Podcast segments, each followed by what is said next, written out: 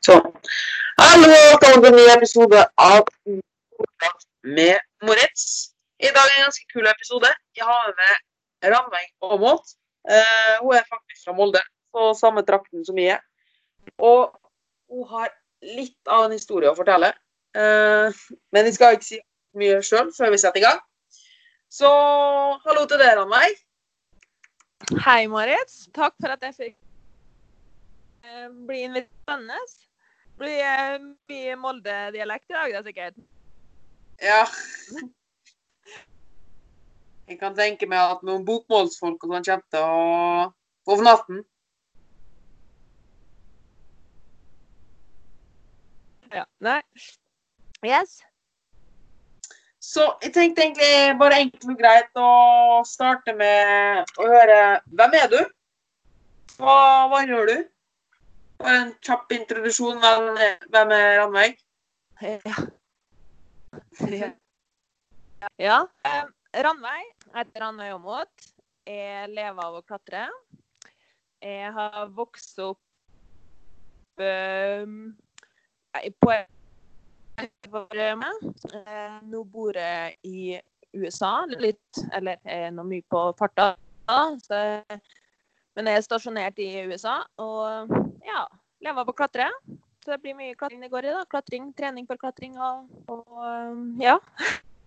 Uteklatring og inneklatring og det, Ja. Eh, hvordan går det an å leve av klatring, da? Hvordan, eh, det er jo ikke mest lukrative sporten å leve av, skulle jeg si.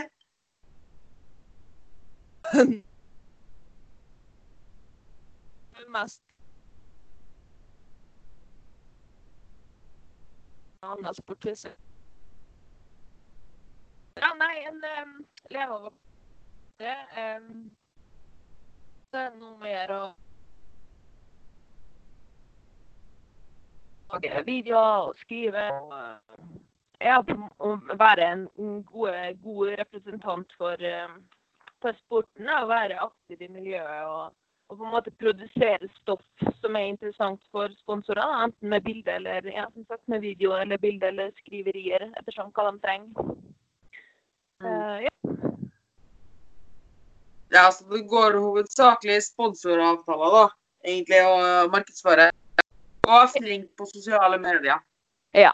Man må være aktiv. Man må, være, må ha noe å fortelle, da. Må, men det er sponsorer, sponsoravtaler som en uh, som betaler regningene, ja.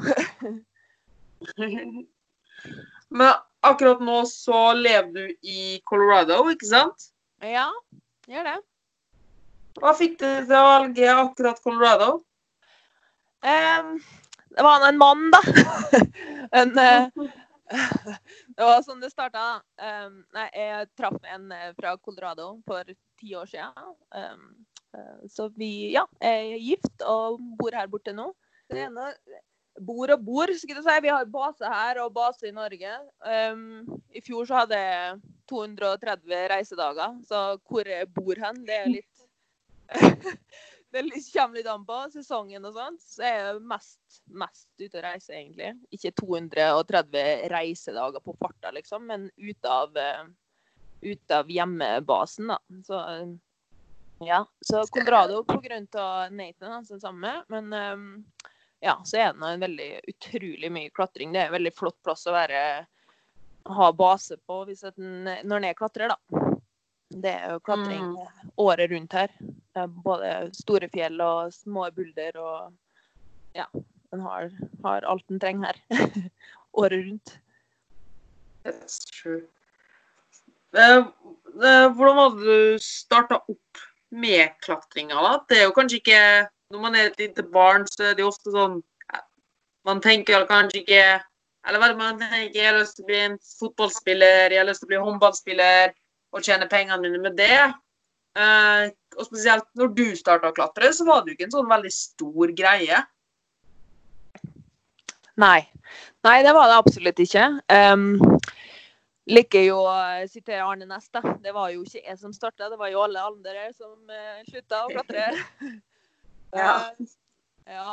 Uh, nei, jeg har alltid vært en eh, aktiv, aktiv unge, da. Høyt og lavt. Um, men eh, ja. Eh, akkurat med klatringa, ja. Jeg visste jo jeg var ikke, visste ikke noe mye om klatring da jeg var liten, men jeg hadde en storebror som gikk i bresjen for alt som var Ja, som sto i bresjen for alt som var kult å gjøre. Um, så det var masse ski og masse snowboard og etter hvert splitboard. Og så begynte han med klatring og ble hekta. Og så kjøpte han eh, klatresko til konfirmasjonen min og sa lillesøster, du skal begynne å klatre. og det gjorde jeg. Han har alltid vært største idolet, og ja, jeg går omtrent fortsatt i hans eh, fotspor, så uh, Ja. Så jeg ble hekta på klatring, og tok det på en måte Ble jo først dratt med av han i starten. Um, uh, i starten så var det på en måte det å komme seg på, på, på, fjelltur, for vi var jo alltid på fjelltur. og bare at nå var, vi, var det brattsida vi, vi klatra opp, så det var liksom fjell å komme seg på, komme seg på tur som var greien i starten. Um, mm.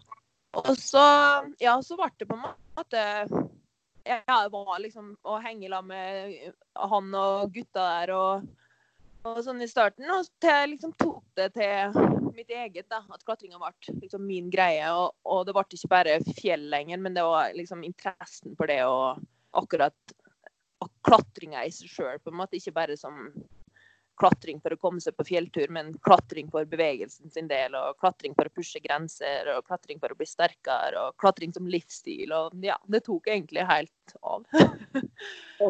Jeg kjenner meg, veldig, kjenner meg jo veldig godt igjen. Eh, men det, det, er jo, det, er jo, en livsstil, som du sier, da.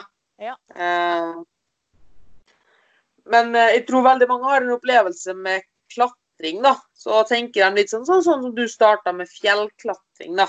Mm. Eh, de tror liksom at det er snakk om å gå på fjell og sånne ting. Eh, og det er vel kanskje litt mer det det var før. Mm. Men eh, du er jo en, mer en sportsklatrer, stemmer ikke det? Jo, det har på en måte Det, det tok liksom den retninga etter hvert, da. Eh, fra det å være på eventyr til å Ja, at det blir mer en sport ut av det. Rett og slett. Eh, fortsatt så har jeg en god blanding av eh, av ja, sportsklatring og tredeklatring og buldring, men det er sportsklatring som, eh, som, på en måte tok av. da. Det er flere årsaker til, til at det på en måte det var den veien det gikk hos meg. Men uh, ja, det er liksom det som er hoved, hovedgreien nå, ja. Mm. Da, men eh, hadde du noen som helst ambisjoner om å konkurrere noensinne, eller var det, var det alltid bare det gniste etter eget driv, da? Det var liksom egen uh, egendriven som har vært liksom den største, største motivasjonen hele tida. Jeg starta jo veldig seint, egentlig, uh, som klatrer. Um, uh, jeg, ja, jeg var ikke Um, ja, jeg var, jeg var 16 når jeg starta, og klatra jo på en måte ikke så veldig mye i starten. Og så gikk jeg på idrettslinje på Oppdal, der jeg på en måte fikk virkelig utfolda meg og lagt godt grunnlag. Men da var jeg jo allerede uh, ja, 18, da. 19, ja, skal vi se. 18, ja, sikkert. 16, 17, 18. Ja. Så da var jeg jo allerede ganske gammel, da, så det var på en måte ikke det var på en måte ikke konkurransegreien som var eh, liksom største driven for meg. Jeg tenkte at ja, hvis det ble, så ble det. Men det tok på en måte aldri den retninga. Pluss at jeg har alltid vært mest glad i uteklatring. Eh, og inneklatringa krever så vanvittig mye klatring på plastikk. Og det var liksom aldri det som eh, som drev meg, da. Jeg ja, jeg ser det. At jeg bruker ikke nok tid på å være inne. Det er liksom nesten en helt annen sport da, å, å bli god på inneklatring og konkurranse. Um, ja, så det var liksom ikke det som var greiene. Det ble eh, klatring for egen del og klatring for liksom konkurrere med seg sjøl. Det var det som var Ja, som, som, var mest Ja, som driver med, da. Men var det Når var det du bestemte deg for at uh, at det var klatring som Hvordan hendte det at Hva var egentlig planen din videre? Altså, det er jo kanskje ikke så er man en du er jo, Jeg vil nok klassifisere det som en idrettsutøver, helt klart. Um, Men er det f.eks. en fotballspiller eller, eller golfspiller eller håndballspiller eller et eller annet sånt, så, så og man merker man har et veldig stort talent, da, som du Mm. tydeligvis har, da altså, det, Du er jo en, jeg vil nok si du er en av, hvis ikke Norges, men så er du en av Norges beste, i hvert fall, da. Helt Eh, klart Eh, men eh, er enig. Kanskje ikke, kanskje ikke konkurranse, da, men eh, sånn jevnt over tid. Ja. Du er nok, du er, du er nok småsterk. jo da, jo da, jo da. Takk for det. Um, og så er det jo andre, da, På andre sporter så er det mer sånn Ja, jeg har et talent. Um, jeg skal konkurrere, jeg har tjent penger på dette her, da. Uh, men klatring skiller jo litt ut der, da. Og spesielt med tanke på at du ikke ville konkurrere, eller ikke hadde noen store ambisjoner, da. Ja. Hvordan ble det at, det ble, at det liksom, klatring ble det du tjener penger på? mm.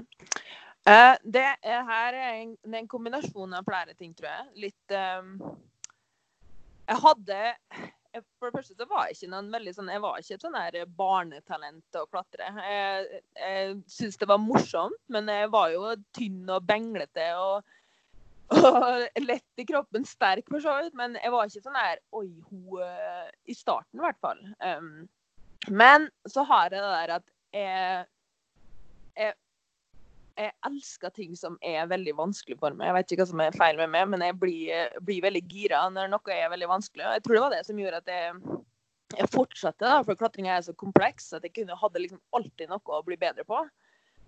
Um, og så, ja, som sagt, så gikk jeg på idrettsfag på, på Oppdal, og der var det en av mine liksom, mentorer som som jeg husker han sa Du, Ranveig, da hadde jeg jo begynt å blitt ganske god, da. Så, han sa liksom Ja, hvis du hadde starta før, så kunne du blitt så kunne du blitt helt sikkert blitt proff. og jeg tror jeg tok med meg det her frøet der om at liksom Ja, Drit i at jeg ikke har starta tidlig nok, men det kan hende liksom hvis at den ja, jeg vet ikke. Det sådde et frø der da, om at oi, går det liksom an å leve av å klatre? Går det an å bli proff? Ja. Jeg hadde på en måte ikke tenkt på det riktig ennå, men uh, um, Ja, og så ble det liksom mer og mer uh, uh, fokus Eller jeg fokuserte på en måte Vi lærte jo på um, på idrettslinja å liksom planlegge treninga og bli mer strukturert. um, og sånne ting. Um, og så balla det på en måte på seg. Jeg hadde flere år etter det at jeg liksom hadde mange andre, eh, andre ting. Og så jeg satsa liksom ikke fullt ut, men jeg, men jeg var fortsatt veldig gira på klatring. Og så eh, Så drømmen på en måte var, var der om å bli Om å kunne gjøre det til et levebrød. Selv om jeg på en måte ikke Det er jo ikke noen ferdig staka vei, det å leve av å klatre. Du må på en måte finne ut din egen vei, for det er ikke, liksom, det er ikke likt for noen. Det er an på hva du er god på, hva du har å tilby, og sånne ting. Uh, og så var det vel på en måte litt tilfeldig at det hadde jeg vært tatt bilde av så et bilde som ble brukt til en klatrekalender. Um, Ja. Så var jeg invitert til en sånn her eh, diger utstyrsmesse som ble holdt i USA. Det her er etter at jeg møtte han som jeg er sammen med. Eh, Så ble jeg invitert til en eh, utstyrsmesse om å signere den der kalenderen. Uh, og da var jeg jo på en måte blant alle de store merkene i USA.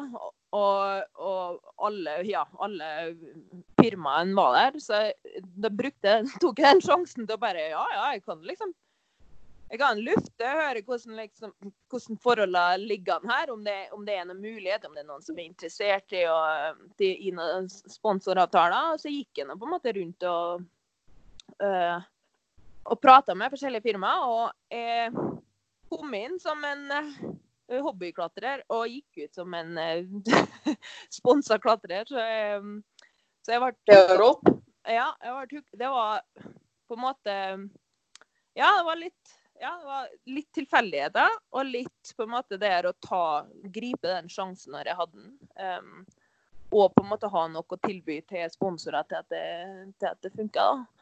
Um, og etter det så um, Selv om jeg var sponsa, så var jo de første avtalene jeg fikk, var jo um, mest utstyr og sånne ting. Ikke så mye å leve av. Uh, så etter det så har det på en måte bare tatt seg opp, og du får et godt forhold til sponsorene etter hvert, og du har mer å tilby. Um, ja, så det har på en måte bare balla på seg, sånn at jeg til slutt har Ja, nå har jeg levd av det de siste ti åra nesten. Mm. Ja, så alt egentlig bare fordi du var dumdristig nok og tøff nok til å ta, gripe muligheten?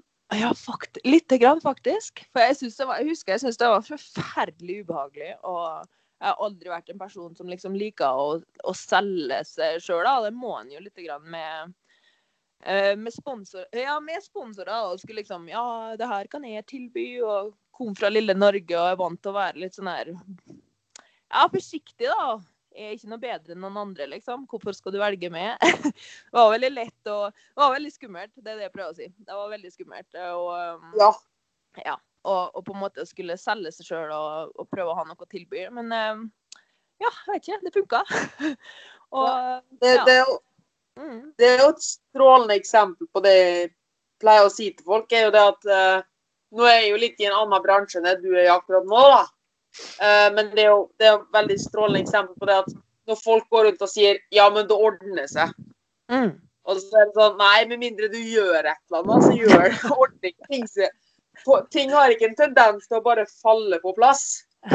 Eh, du har nok lagt inn enormt mye arbeid før, og ikke minst da tatt det steget ut av bobla da, og faktisk gjort noe som er skummelt og krevende da, for å da få de resultatene du har fått, og få de mulighetene du har fått. da. Eh, det, det, var jo ikke sånn at du bare satt der og Ja, ja, det ordner seg sikkert. Nei, det har du helt rett i. Uh, de fleste liksom, store ting som skjer i livet, skjer når at du uh, pusher deg sjøl ut av komfortsonen. så jeg prøver å tenke på det på alt som er skummelt. Så kommer det vel, hvis en tør å liksom hoppe i det, så kommer det stort sett veldig ja, så kommer det ofte Det der vekst, vekst skjer. Det er da eh, de store tingene i livet skjer. Uh, ja, så det der var en av de tilfellene. Og det er fortsatt. Jeg kan ikke si at det var noe som var et sånn engangstilfelle. Det, jeg tenker sånn alltid hvis du har lyst til å Det er liksom hoved... En av de hovedtingene jeg står ved i livet, er jo på en måte ting som jeg er veldig redd for, og syns jeg er skummelt. Hopp i det, og så Eller forbered det først, gjerne, da. Uh, men hopp i det. Og Uh, ja, sånn at en slipper å bli styrt av frykt, da. Men at en uh, um, liksom tar litt tak i og tør, tør å gjøre det, det en brenner for. Og det er jo en sånn viktig prosess, det der, da. Det er lett å, lett å bli for komfortabel. ja, uh, det var nesten det jeg skulle si nå. Spesielt det er tiden nå, da. Jeg vet ikke hvordan det er i USA akkurat nå, der du er i Colorado. Men i Norge er det jo sånn at det er jo veldig mye lockdown akkurat nå pga. koronatida. da. Mm. Mm, og da tror jeg veldig mange er blitt litt for komfortable. Og ikke, ikke gir seg det sparket bak sjøl. Gjør ting som er litt ork, gjør ting som er skummelt, gjør ting som er ukomfortabelt. Uh, jeg har en sånn litt sånn morsom greie som vi pleier å gjøre. da. Bare for hver dag gi et sånt lite minne på da, at jeg, jeg prøver hver dag å gjøre et eller annet som er et ork, eller som jeg syns er ekkelt eller skummelt utfordre dem litt sjøl. Og en av de tingene jeg gjør, da, det er noe som heter Scottish shower. Jeg vet ikke om du har hørt om det? Nei, hva er det? det er når du skal legge det Nei, nei, når du skal dusje, så 30 sekunder før du går ut av dusjen, så stiller du på iskaldt vann. Det kaldeste ja. som går. Og det bare står der i 30 sekunder. Og det er jo helt jævlig, men det er liksom bare for å gi den Det er jo det høres jo kjempeteit ut, men det funker. For det er jo, liksom, det er jo nesten den der prokastineringa og den der ja men, jeg, ja, men jeg vil ikke. Nei, men å, ja, men det er ekkelt. Å, nei. Og bare det å minne seg på det hver gang at det liksom Det går fint, liksom. Det er bare akkurat den der eh, For det samme om du nå står for en utfordring i livet um, Som du gjorde med sponsoravtalene, f.eks., eller på den messa, eller om du skal klatre uh, gå en hard rute når du er ved cruxet. Eh, eller om det er at du skal ta tung knebøysett eller gjøre et steg i kostholdet. Det vil jo alltid være noe skummelt der, mm. men følelsen er jo egentlig den samme. Ja. Det er... følelsen av ubehag. Ja, godt sagt. Helt klart.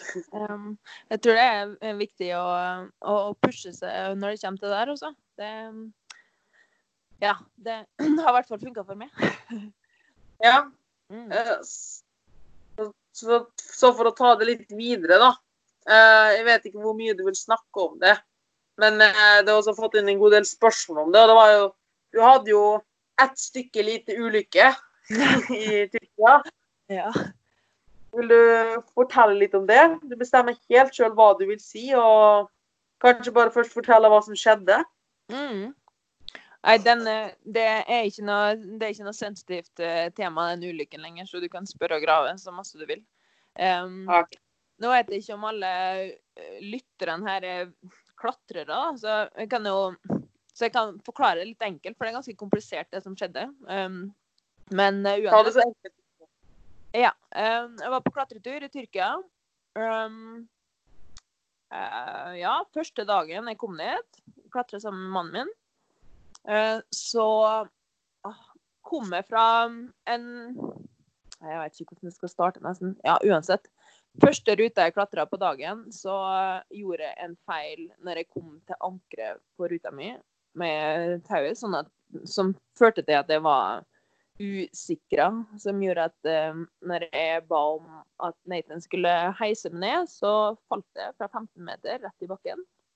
Eh, og jeg Ja, har, mm, det var jo mega at jeg i det hele tatt overlevde, men jeg har um, tre brudd i korsryggen, Jeg knuste bekkenet, knuste begge anklene, knuste albuen, brakk Nei, reiv av bicepsen, tricepsena.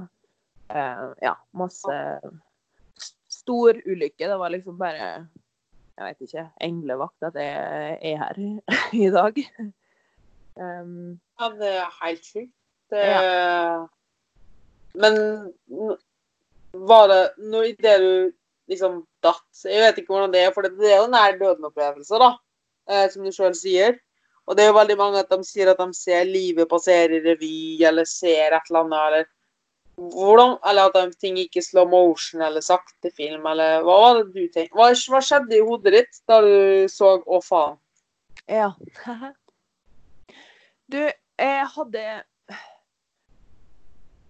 det, når jeg, i, i det jeg starta å, å falle, så, så kjente jeg at så Først så trodde jeg at Nathan bare hadde gitt meg et litt slakk, sånn at jeg fikk et lite sånn bonusfall fra toppen. Men at det ikke så, sånn som vi av og til bruker. Det er ikke noe farlig, liksom. Men så kjente jeg at det Oi, det her går altfor fort. Det her akselererer. Det her eh, Nå er det noe som er veldig feil. Um, og jeg hadde ikke noe sånn her eh, livet i eh, revy i det hele tatt. Jeg, jeg husker, det jeg husker Jeg, har sikkert en liten sånn blackout i den midtre delen av fallet. Jeg husker, Det er akkurat som om kroppen husker liksom impacten, eller liksom kraften av idet jeg treffer bakken. Mm. Um, og så hadde jeg en sånn her eh, eh, En sånn åpenbaring nesten når jeg lå på bakken. Jeg kjente ikke noe smerte. Det var veldig sånn her eh, lå nesten, Det høres veldig klisjé ut, det her, da, men eh, som i en boble av lys der alt liksom Oi, nå, nå dør jeg. Nå um, Og jeg har- liksom tida til å tenke at jeg har hatt et bra liv og um, på en måte klar for å dø, klar for å gå. Det her er lett. Det er ikke noe smerte, det er ikke noe vondt.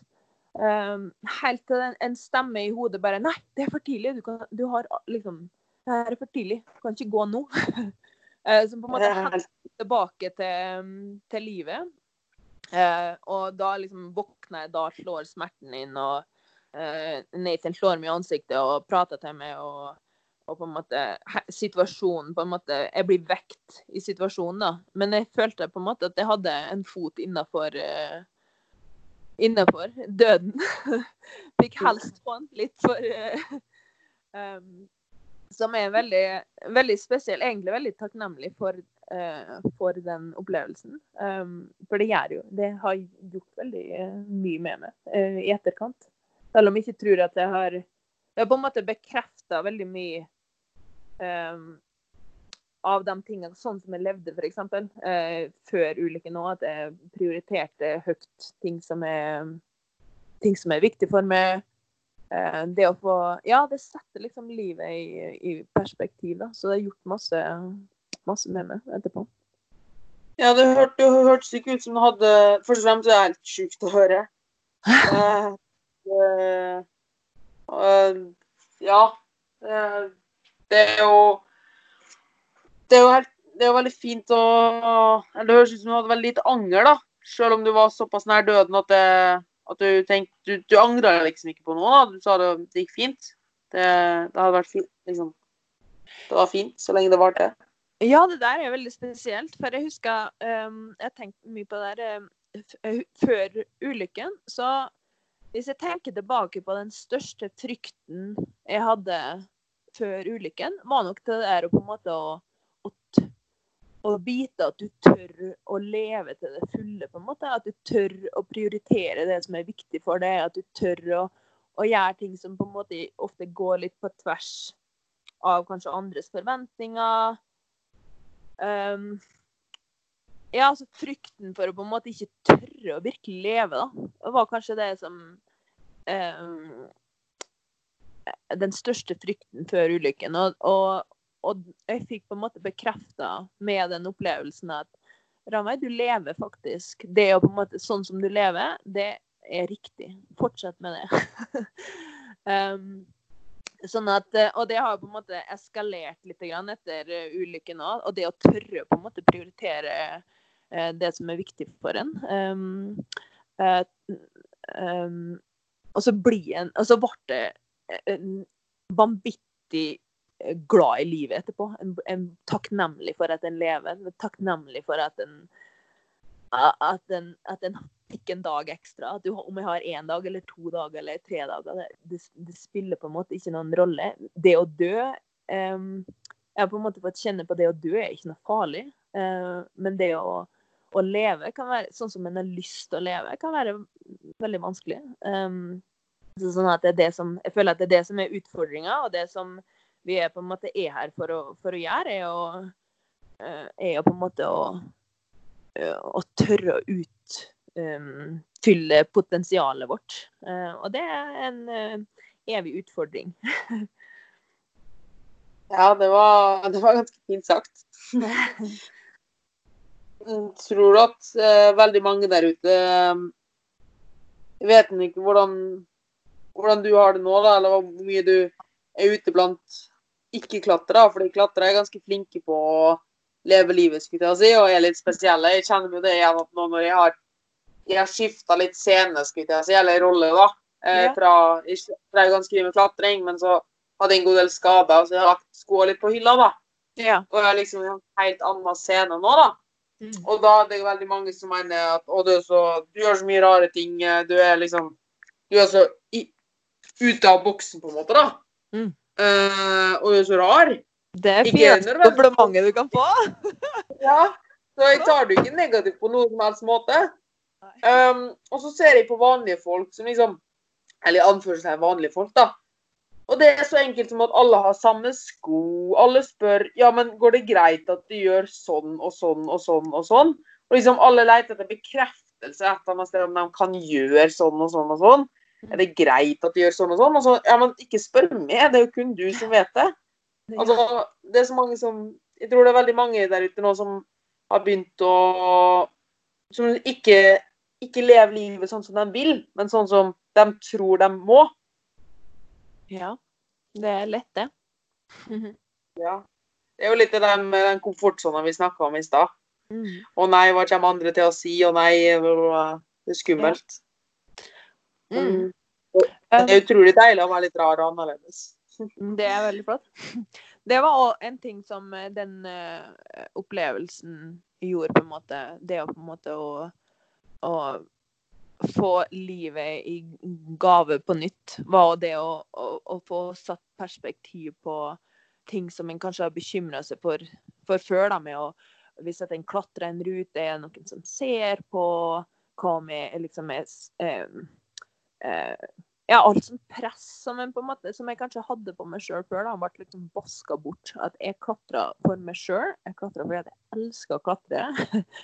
om jeg um, ja, om jeg prestasjonspress og angst for liksom andre og hva andre syns. Så, alle sånne ting ble liksom vaska bort. da. Jeg, merk, jeg liksom fikk se hvor lite det betydde. Um, og det har jeg prøvd å ta med meg. Det var veldig, eh, en veldig nyttig lærdom. Det er, jo, det er jo ikke sånn at en alltid klarer å være den å sette ting i perspektiv og, og alltid være uredd og ikke bry seg om andre. Det er ikke sånn at en alltid klarer det, men det, er sånn, det har blitt et sånn grunnlag i meg som er vanskelig å rokke på nå i forhold. Så det um, Ja.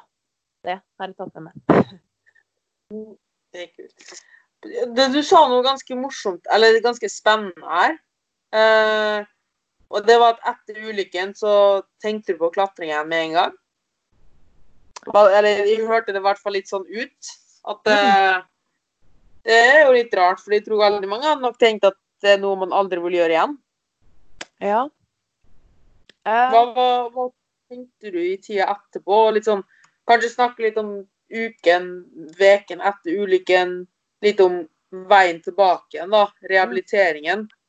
Eh, målet ditt videre ja. etter skaden. Um, sånn eh, helt uh, ærlig, helt sånn den første uken etterpå, så var det på en måte uh, Det var spørsmål om jeg kunne om jeg kom til å gå igjen noen gang. Så det å klatre uh, var vel egentlig ikke helt helt førstepri. Um, jeg var i rullestol. i- for det første så var jeg sengeliggende eh, i sikkert en måned med brekt bekken og brekt eh, rygg og greier. Um, så det var ikke det var ikke det første jeg tenkte på. Jeg tenkte, og jeg, Før jeg på en måte var i en klatrevegg igjen, så var jeg veldig åpen for at det er ikke sikkert hvis klatring ikke gir meg den samme gleden som det gjorde. Eh, ikke pga. egogrunner. Liksom, hvis jeg klarer å på en måte Jeg hadde jo ikke peiling om jeg helt tatt kunne klatre igjen, så visste jeg jo ikke om jeg kom til å klatre igjen på det nivået jeg var. Eh, men jeg husker jeg sa til meg sjøl hvis klatring ikke gir meg den samme gleden, eh, så finner jeg på noe annet. For livet er fullt av utfordringer en kan finne på. Eh, så det er liksom det som må være hoveddriven. Um, Mm. um, så i starten så var det ikke så De første ja, de første tre månedene så var det det å på en måte å sette seg små andre mål. Som å ja, jeg hadde jo, jeg hadde jo Så jeg brekte albuen, så klarte jeg jo ikke å løfte hånda. Jeg klarte ikke å ta meg sjøl på nesen. Klarte ikke å sette opp håret sjøl. Så det var liksom sånne små Helt sånne små dag, dagsmål som var i hovedet i full fokus, egentlig. Um, så det var liksom det som var Ja, greien i starten. Å akseptere situasjonen. Hvordan, eh, hvordan ståa var. Og så bare ta én dag om gangen. Og så lage seg sånne småmål som ga veldig mye glede. Når en fant ut at en uh, ja, kunne sette opp håret sitt sjøl, kunne spise sjøl og um, Ja, så det var, jeg, hadde, jeg var helt i um, På en måte tatt av prosessen i det å, å komme seg tilbake. Jeg tenkte ikke så mye på hvor, hvor jeg kom til å ende opp hen til slutt. Det var liksom um, det var liksom ikke så viktig. Bare jeg, bare jeg visste med meg sjøl. Det som var viktigst for meg i etterkant, var å vite med meg sjøl, helt sånn dypt i meg sjøl, at jeg gjør alt som ligger i min makt for å vinne tilbake livet mitt. Um, eh, sånn at jeg ikke havna f.eks. to år etterpå og noen kunne si sånn her Ja, men hadde du trent bedre eller hadde du trent annerledes eller gjort det eller det, så hadde du kunnet eh, ja, komme tilbake til klatring. Men siden du eh, satt på ræva, så kunne du ikke det. Så det var liksom det som var den største driven, egentlig. Å bare vite med meg sjøl at ja, men jeg gjør alt jeg kan. Alt som jeg har kontroll over, det tar jeg hånd om. Og alt det andre, det kan en liksom Hadde ikke noe mye energi til å bruke energi på. Ja, for du, du gikk heller ikke og begynte å sammenligne. Ja, men det er noen som har hatt den samme skaden tidligere, eller hvordan gikk det, og hvordan var det? Du hadde kun fokus på det sjøl, og at du ville gjøre det meste du kunne, og det beste du kunne. Det som er problemet liksom, Jeg leita jo etter eh, folk å kunne sammenligne med meg, men jeg, eh, helt ærlig så er det ikke så veldig mange som jeg, som jeg fant der ute, som har den samme historien. Um, eller som jeg kunne finne Det er jo mange klatrere som har hatt klatreulykker, liksom, men eh, Nok- Det er nok veldig få som er ute i sosiale medier. Ja, det var på en måte ikke så veldig mye svar å få, egentlig. Og samme fra leger og sånn. Det, var- det var ikke sånn her For jeg hadde jo selvfølgelig utrolig mange spørsmål, og det var nesten alt er usikkert, på en måte. Om ja, kommer jeg til å klatre igjen? Ja, nei, men eh, du kan være glad du lever. Du, først skal vi se om vi klarer å få det til å gå igjen, liksom. Så at det var ikke så mye å, å sammenligne seg. Jeg tror det var derfor jeg bestemte meg veldig tidlig i prosessen for å bare akseptere sånn situasjonen er, og så, og så ta det derifra. Ta en dag om gangen og gjøre liksom Ja, gjøre alt som jeg hadde kontroll på, da. Ta liksom Ha, ha full fokus på det. Jeg tror også det har gjort at du har kommet såpass sterkt tilbake igjen, da, enn at det fokuset. For det er jo enormt vanskelig da, å klare å gjøre det, og disiplinere seg sjøl til å bare tenke at jeg skal bare vi skal ikke sammenligne med Eller på en måte så ble det jo nesten litt tvunget til det. Men Mm. du tenkte ikke alltid ja, men han gjorde sånn, og den gjorde sånn, og ja, men de kunne gjort sånn. Jeg tenkte bare nei, jeg skal gjøre mitt, og jeg skal gjøre det beste av det. Um, og selv om det er et helt annet sted og et annet perspektiv, så tror jeg at uansett hvor man er i livet, da, om det nå er om man blir, blir så sterk som mulig, eller vektnedgang, eller mestre et eller annet, lære annet, en ny skill eller et eller annet, da. Mm. Og i stedet for å gå rundt og bruke all tida på å leite etter og tenke over hva man kanskje potensielt kan gjøre, eller tenke over at det er så urettferdig at den personen har det sånn og sånn. For det har du sikkert det er- og kan jo ha vært en tanke hos deg også. Å, det er så urettferdig at hvorfor, Det har vært en tanke som kunne kommet veldig fort. Å, det er så urettferdig at dette skjer med meg. Mm. Eh, jeg syns så synd på meg sjøl. Eh, og sånne ting. da, Det er jo veldig lett å falle inn i det tankemønsteret. Men det at du alltid satte nye mål, da, alltid ville komme videre og bare gjøre det beste du kunne, gjør liksom at du ikke får rom til sånne tanker. da. Ja, det, er noen, det, var en, det var noen feller å gå i hele veien. ehm, eh, det, og den ene, det å sette seg ned og synes synd på seg sjøl, det er en av dem. Ehm, ja, det er en av dem som er på en måte lett å gå i uh, hvis du ikke hvis du ikke er veldig bevisst da, i den prosessen. Og det å Ja.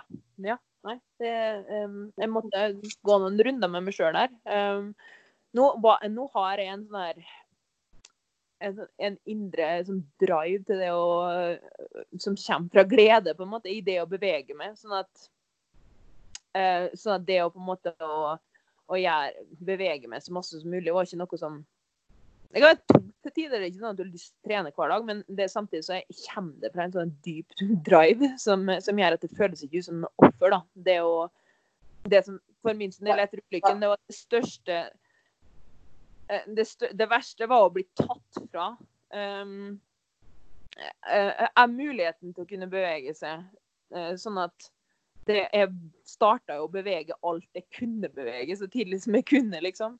Um, så det å kjenne at en kunne vinne tilbake mer og mer um, bevegelighet, var liksom uh, så stor lykke på jord, da. Så da blir det en sånn positiv uh, spiral da, når du kjente at liksom, å ja, men det her funka, hvis jeg gjør det her, så kan det her funke. Og så uh, blir det en veldig god sirkel. Ja, men, men du legger jo opp til det sjøl, da. For du kunne jo også tenkt akkurat, mot, du kunne jo tenkt akkurat motsatt også. Du kunne Mm. tenkt å, jeg klarer bare å bevege fingrene. Mm. Og kommer aldri til å klare å kunne bevege hele armen. Åh, det er så dritt. Men liksom Ja. For det er jo bare Du gjør jo akkurat det samme, men det er jo tankegangen som teller. Ja, nei, det er jo bare være bevisst. Det er det, det, er nok det som skiller, skiller det fra veldig mange andre, er den der enorme evnen til å se det positive ting, da. Ja, ja, eh, det er nok eh, Det er nok en eh, Ja, jeg er nok heldig med den.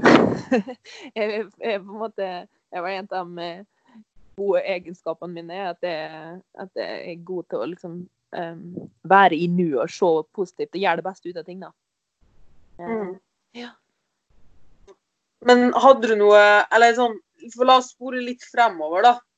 Når du da kunne bevege deg mer og mer igjen. Mm. For du hadde nok sikkert en ganske nøye rehabilitering, kan jeg tenke meg. Eh, Men når du da begynte å kom, komme tilbake mer og mer til hverdagen, og frem til i dag, da, har du Mm. hatt noen form for uh, strukturert styrketrening og kondisjonstrening? For jeg tror uh, veldig mange som ser på en klatrer, tenker at det er litt sånn bohem, nesten, skulle jeg si. Mm. Og det er nok mange sannhetskorn også, men jeg tror også veldig mange ikke helt forstår hvor mye som skal til, da.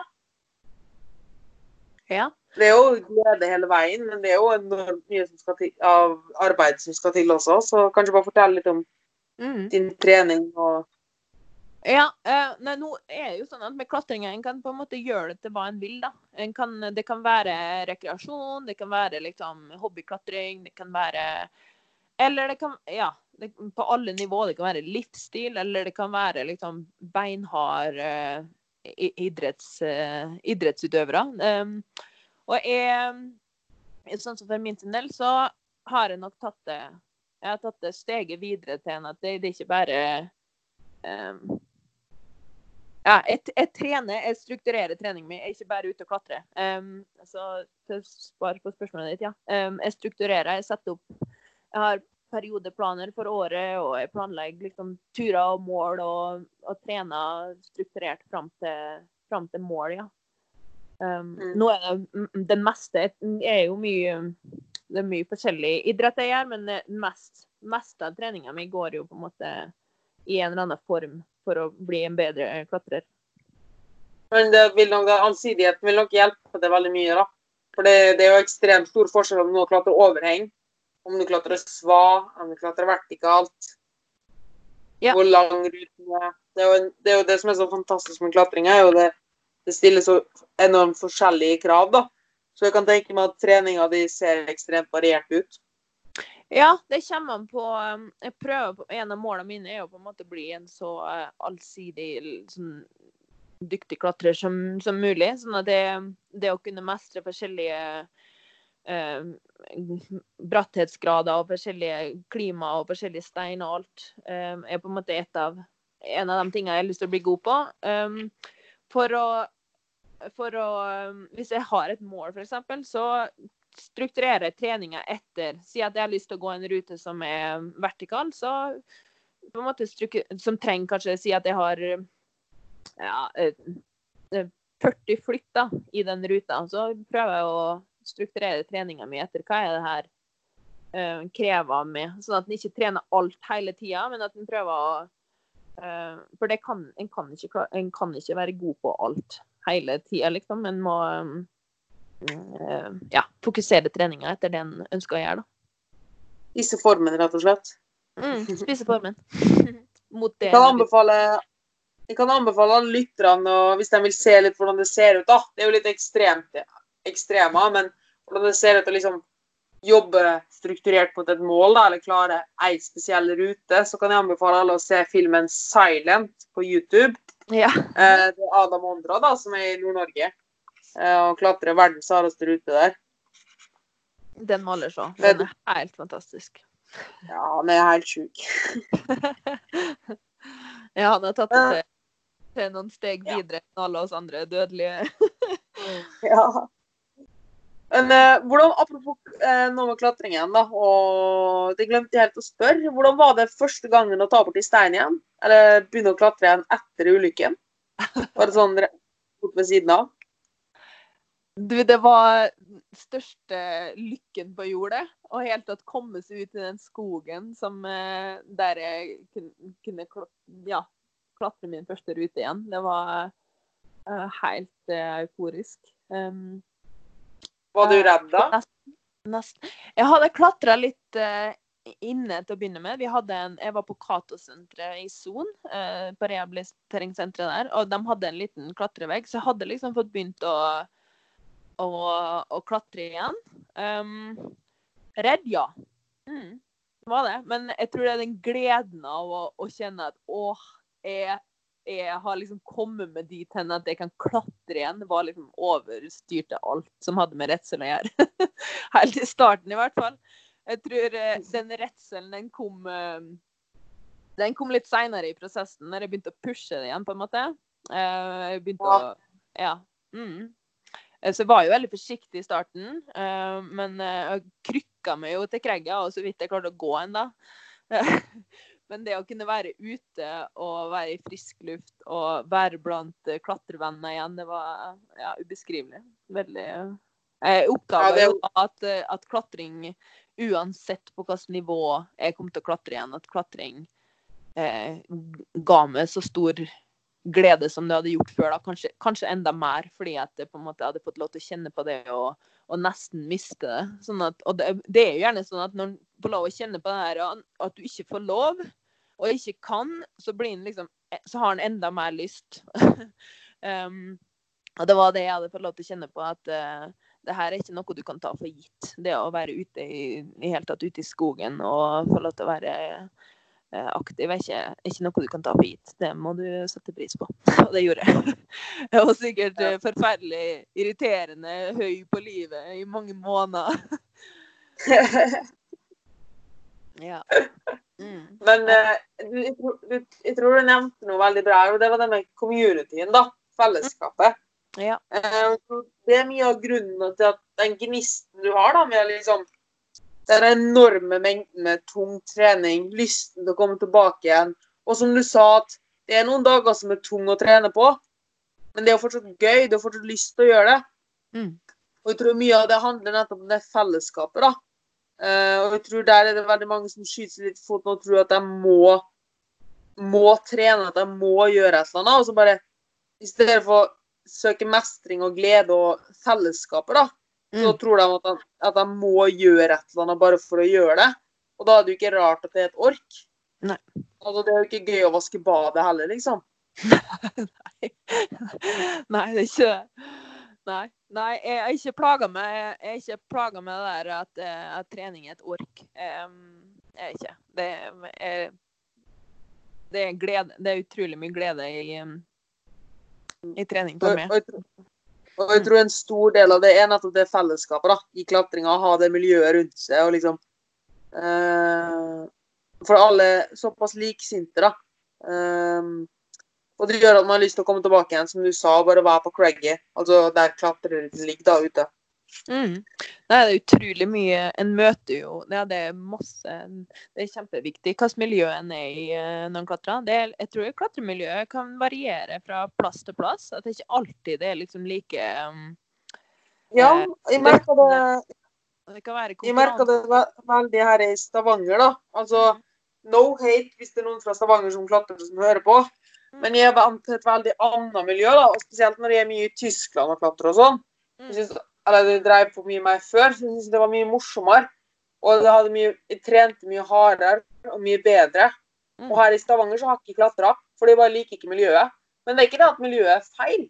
Det er bare det at liksom, jeg har vant med et helt annet miljø. Så liksom jeg har null, null interesse i å klatre, da. Fordi liksom hele miljøet bare ikke passer.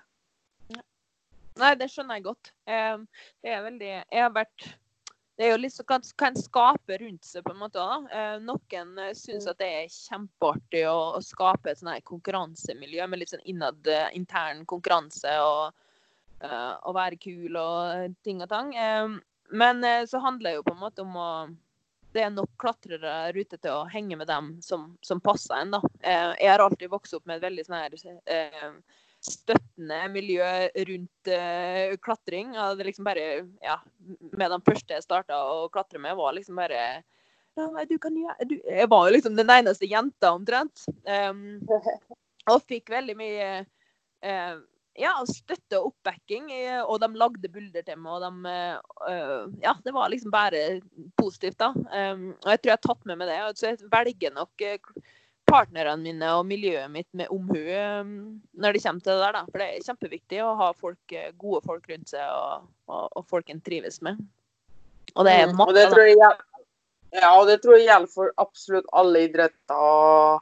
Og det er uansett, altså, uansett i livet, da. Å bare ha folk rundt seg som man faktisk Man kan faktisk velge hvem man vil være med, da. Det er det som er så fint med venner. Der kan man Mm. velge. Familie har man bare. Ja, sant. sant. Godt sagt. Ja. Men har du, apropos støttespillere og folk rundt deg, Mm. har du noen trenere eller et eller annet? Eller legger du opp all, planlegging, all planlegginga sjøl? Nei, um, etter eh, ulykken så starta jeg å trene med Stian Kristoffersen, som er eks-landslagstrener for klatring i Norge. Og kjempedyktig fysioterapeut. Em, så det var jo litt sånn her kombo med han i starten, av fysioterapi og, rehab og, Eh, men jeg har trent med han eh, helt siden da, så det er nå ja, åtte år siden. Um, så jeg har han som god støttespiller. Um, han eh, enten Vi setter opp på en måte planer. I starten så satte han opp planer for meg. Nå på en måte snakker vi om det. Nå er han en sperrepartner, så jeg gjerne setter opp planene mine sjøl, og så ser han over det. Um, Mm. ja. Så det Stian jeg bruker mest. Um, jeg har trent med andre òg, men det er liksom han er Ja, helt tilbake til. Han er utrolig dyktig. Ja. Jeg har ikke snakka så mye direkte med han sjøl, men i hvert fall det jeg har fått med meg. Den nye podden hans nå med den er Vondt-podden har han Ja. jo blant annet Mm. eh, utrolig dyktig. Vi skal linke til han og podkasten i description, som det heter så fint. Ja, gjør det. Stian er veldig, Mm. veldig dyktig i den driver Både som klatrer, eh, egen klatrer sjøl, og som fysioterapeut. Absolutt. så- Spesielt på overkropp, skuldre og Mm. rygg og alt det der. Ja, så jeg bruker okay. Um, hoppe litt videre. ja, Ja, Mm. ja, kjør på. Nei, jeg eh, andre støttespillere, ja, det er eh, venner i miljøet. Å klatre med folk som er, er, er dyktigere enn en til å klatre, er kanskje den beste lærdommen og beste sperrepartneren. Det å på en måte få lov til å, å, å henge med de gode. Ja. Eh, er bra, bra støttespillere. Mm. Så litt videre da på Har du noen konkrete mål eller drømmer akkurat nå? Altså hva, hva, har, du, hva har du lyst til å oppnå videre? Ja. Eh, akkurat nå så er de Drømmene er ikke lagt på hyllene, men, eh, men eh, hva det blir ut av dem, eh, det er lagt litt på hylla. Bare se litt hvordan det går med eh, den utviklinga av det koronaopplegget, da. Eh, Ja. Så akkurat nå så, så drømmer jeg masse. Masse greier som jeg har lyst til å gjøre. Men eh, akkurat hva som er neste, det vet jeg ikke helt ennå. Jeg skal tilbake til Norge og, og egentlig sånn det som er hoved, eh, hovedmålet framover, er å utforske Norge, tror jeg. For jeg har klatra mer utenfor Norge enn jeg har klatra i Norge. Og vi har så utrolig mye fin klatring i Norge som jeg ikke har eh, rørt. Um, så det er liksom Har, du. Har du egentlig vært noe særlig i Flatanger? Jeg har hatt noen turer til Flatanger, um, men ikke liksom um, Det var veldig tett oppunder uh, rehab og ulykken at jeg var der, så jeg var på en måte ikke på topp. Jeg har ikke vært tilbake i Flatanger etter at jeg um, Ja, etter at jeg er tilbake på uh, sånn nivået som jeg er nå, da. Så det er, det er også på lista, å bare henge litt mer i Flatanger. Ja, for jeg tror den kom, jeg har vært der eh, tre ganger, tre år. Eh, og den communityen som er der, og den låven og Adam Ondra, da hadde vi snakka om i sted. Verdens, be- eller jeg vil nok si han er verdens beste klatrer, i hvert fall ute. Eh, Både inne og ute, du. Med Ja. god- med, med god margin. Men eh, han har jo noe med å den buldreveggen i låven der, og så han eh, Sepp, eh, Sepp Ja, navn sier ingenting til lytterne. Men i hvert fall veldig mange Det er veldig morsomt, fordi det er mye av klatreeliten i verden da, driver og henger opp i en låve i Nord-Norge, eller Yes. Mellom-Norge, da, i Flatanger. Eh, og den bygda der er helt i sjokk, vet du, når det kommer eh, ti sykt muskuløse gutter og damer og skal ha seg mat og full med hvit, hvit greie i fjeset og eh, Mm, det, det er nok litt av et sjokk for den som ikke skjønner det. Ja, det er helt sikkert. Nei, det har blitt litt av et miljø i Flatanger internasjonalt. eh, Det har blitt, eh, det, Norge har blitt satt på kartet eh, når det kommer til klatring. Helt klart. Eh, så nå bare cruiser vi litt gjennom her. Eh, hva har du noen beste og verste egenskaper som du kommer på ganske fort? Ja. ehm, eh, jeg er en skippertaksarbeider. Det er nok eh, en av mine verste egenskaper. At alt som ikke har med trening å gjøre, hvis det er med papirarbeid og ting som Jeg, jeg jobber best med kniven helt innafor strupen. Eh, ikke når det kommer til trening og ikke når det kommer til klatring. Men ting som er liksom andre sånne ting som jeg må, er ikke noe sånn eh, kjempeflink til å sa. Um, gode egenskaper. Jeg tror jeg er veldig god på å leve. jeg er god på, Ja. på å prioritere det som er viktig for meg, og som, som gjør at jeg, um, um, jeg har et Jeg føler sjøl at jeg har et um, tilfredsstillende liv. Det er kanskje derfor du også er så glad i å prokrastinere, da, for du er litt mer opptatt med å leve. Ja, det, det henger nok sammen, det. Kanskje du skulle starta med sånn Scottish shower sjøl? For det kjenner meg godt igjen i det. Men du, det gjør jeg faktisk. Når vi snakker om ja. Ja, de kaller kalddusjene dine med pusteøvelser i tillegg. Eh, det har jeg holdt på en del med. Jeg liker veldig Ja. godt det. Ja. Mm. Det, er, det er mye lærdom der. Mm. Ja, Men det er kult. Ja. kult, kult. Uh, er det noe du angrer på uh, som du har gjort? Siden vi har snakket litt mye om å nyte livet og Mm. du vil leve livet til det fulle, er det noe du har angra på at du har gjort? Eller hva? Ja, det, eh, det er det faktisk. Um, uh, vi trenger ikke gå altfor mye inn på det, men jeg, har, jeg strevde masse med spiseforstyrrelsene i, min, i tenåra. Uh, Ja. Og trente veldig mye underernært trening. Uh, så når at det, det har vært en lang prosess å komme gjennom å komme over det. Eh, så det vel kanskje det, når det kommer til historien min, som jeg angrer mest på, er jo på en måte å pine seg sjøl så meningsløst. Og legge så mye arbeid i trening og være underernært samtidig. Um, det er en sånn der sorg på en måte som sitter i meg. og tenker at åh, gud, hvor mye, hvor mye arbeid jeg la i, som egentlig var nesten bortkasta fordi at jeg ikke spiste nok. Um, men sånn, jeg lærte jo masse av det òg, så det er um, Ja, jeg jeg skulle komme med et innspill nå, for jeg vet ikke hvor mye du har sjekka på meg. eller så, Men jeg hadde jo også anoreksi i fire-fem år. mm, Um, jeg kjenner meg jo godt igjen i det du sier der òg, men uh, samtidig så Jeg vet ikke, kanskje bare ut jeg, På en måte så ville jeg aldri vært foruten, da. Uh, fordi du lærer såpass mye om deg sjøl og din mentale helse og utfordringen, da. Ja, ja. Og det, det er kanskje også derfor du er såpass Jeg vet jo ikke, da. Det var satt uh, ut i lufta, men uh, jeg tror kanskje også derfor du er så flink å leve nå, da. Og du takla ulykken så ekstremt bra. Fordi, for du har vært gjennom noe så jævlig. Eh, med en så destruktiv tankegang, da, at du liksom Du har vært gjennom det verste som finnes, at du liksom du vil ødelegge At noe i hodet ditt sier at du skal ødelegge det sjøl. Mm. Eh, og det er, jo, det er jo den verste fienden du kan ha. Og da blir liksom alt annet liksom mye lettere å takle, da. Tenker i hvert fall jeg personlig, da. Ja, ja. Helt, helt klart. Uh...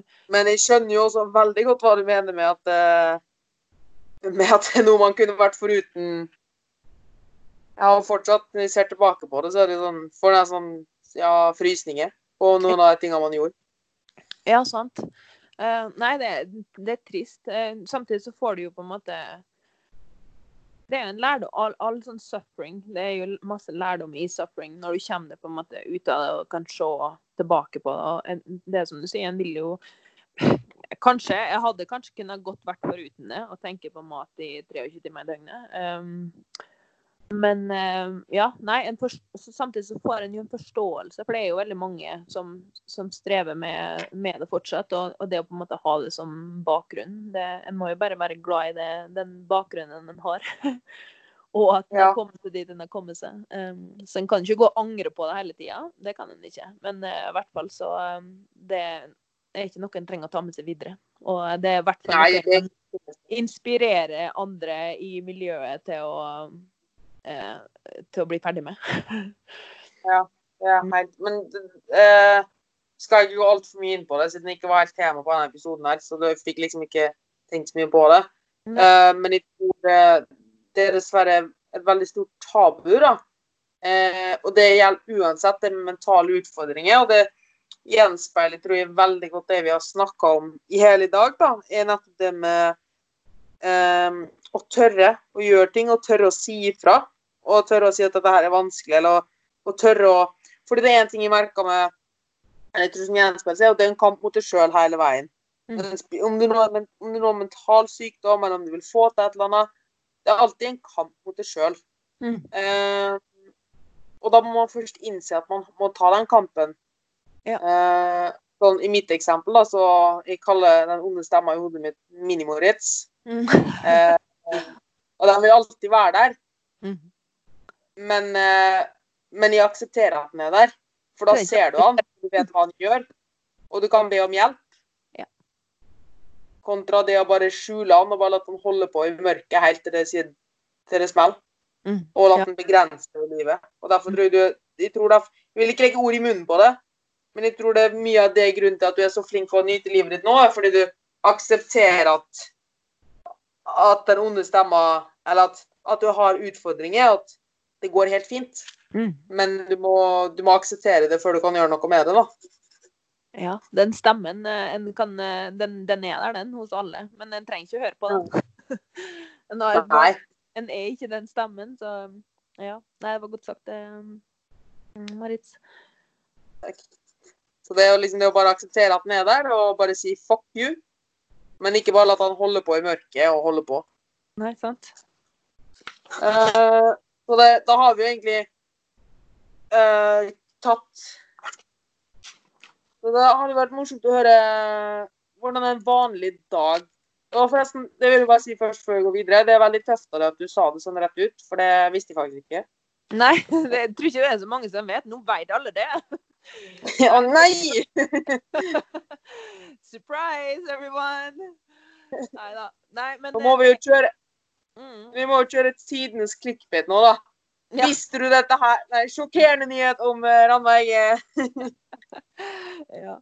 Nei, det er bra. Det, det, er masse Det er lurt å snakke om det. Det er ikke noe å legge skjul på. Det er så mange som eh, strever med det her. Og jo mer en snakker om det, og jo mer en får perspektiv på det, jo eh, lenger unna sånn sjølskading kommer en seg. Så, så det er på en måte Det må ut i lyset. Det, og for å bli forløst. Det var vel egentlig det som jeg fant ut for å uh, for å bli kvitt det, og for å komme over det, var at det måtte ut av hodet og ut av mørket. Ja, jeg er helt enig. Jeg kjenner meg Ja. så godt igjen i det du sier.